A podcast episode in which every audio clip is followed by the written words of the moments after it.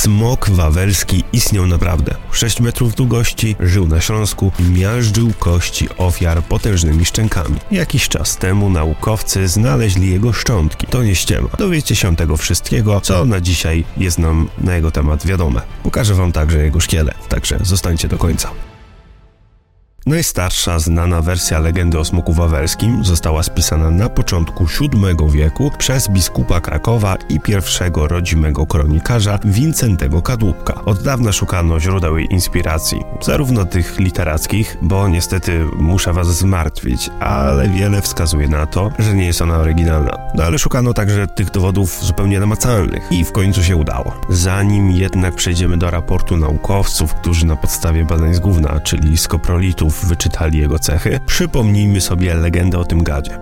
W dawnych czasach, zanim Mieszko I połączył słowiańskie plemiona, na wzgórzu wawelskim wyrósł gród, którym władał król Krak. Księstwo było piękne i bogate, a poddani cieszyli się, że mają tak dobrego władcę oraz wspaniałe miejsce do życia. Król miał także piękną, mądrą córkę Wannę. Kraków szybko się rozwijał i jeszcze szybciej zaczęli pojawiać się w nim ludzie z okolicznych miasteczek i wiosek, czyli pierwsze słoiki. Wśród pielgrzymów poszukujących szczęścia znalazł się młody szewczyk imieniem Skuba, którego do miasta przygnała pogoń za własnym warsztatem szewskim. Mieszkańcom grodu życie płynęło w dostatku, a dni miały beztrosko. Niestety, do pewnego czasu, kiedy to spokojne dni wypełniła groza. Na niebie pojawił się ogromny smok. Jego wielkie skrzydła przyćmiły słońce, a gruby pancerz był odporny na strzały i miecze. Bestia zamieszkała w jaskini pod wzgórzem, nie bojąc się ludzi. No, nie ma co się dziwić, byli oni dla niego prawie jak mrówki, więc nic dziwnego, że w swoim czasie mieli stać się jego posiłkiem. Zaczęto nazywać go smokiem wawelskim. Ludzie niewielkimi grupami zaczęli opuszczać miasto, bojąc się stwora, który codziennie podkradał im bydło. Miasto powoli pustoszało, gwarne i ruchliwe ulice zamieniały się w ciche labirynt. Wyjście z domu nie było już czymś takim bezwiednym, lecz prawdziwym męstwem. Bezradny król zwrócił się nie tylko do swoich doradców,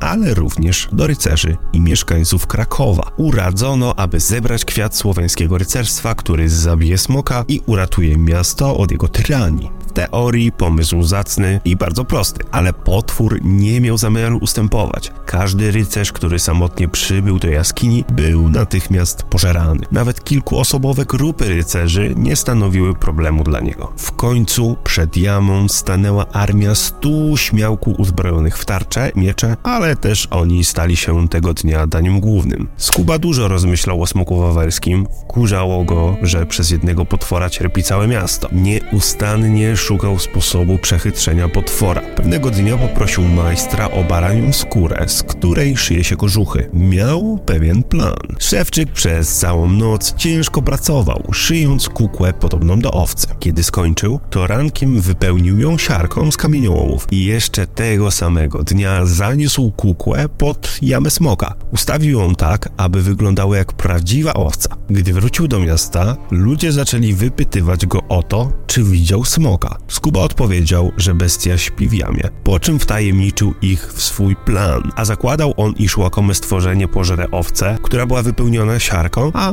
ona miała zapalić się w jego brzuchu, a on wtedy pada trupem. W tym momencie rozległ się przeraźliwy ryk. Smok musiał się obudzić i pożreć przynętę. Ludzie zaczęli wychodzić na mury miasta, aby lepiej widzieć bestię. Bezradny potwór pił wodę z Wisły, desperacko próbując zgasić ogień, który siarka w nim wznieciła. Bestia nie potrafiła się jednak opanować i mimo pełnego brzucha smok pił więcej, więcej, więcej, więcej, więcej, więcej, aż z nadmiaru wody padł. Tyle mówi legenda i wbrew intuicji, którą na pewno w sobie macie, smok wawelski istniał naprawdę. Nie był jednak potworem, o którym pisali kronikarze, nie zionął ogniem i nie cuchnął odorem siarki. Zamiast tego posiadał inne imponujące cechy, żywił się na przykład szpikiem kostnym zwierząt. Jego szczęka była tak potężna, że bez problemu łamał i kruszył w niej kości swoich ofiar. Smokiem wawelskim określano gatunek archozaur, potężnego gada, będącego przodkiem dzisiejszych krokodyli, ale też ptaków. I tutaj naukowcy byli lekko zaskoczeni. Archozaurów nie kojarzy się z zachowaniami, które potwierdzono u naszego przyjaciela. Chodzi tutaj o to wspomniane wcześniej pożeranie kości zwierząt. Większość prehistorycznych gadów po prostu oddzielała mięso od kości i nie pożerała ich. Wyjątkiem jest jedynie rodzina tyranozaurów. Jest on bardzo stary, a według raportu naukowców z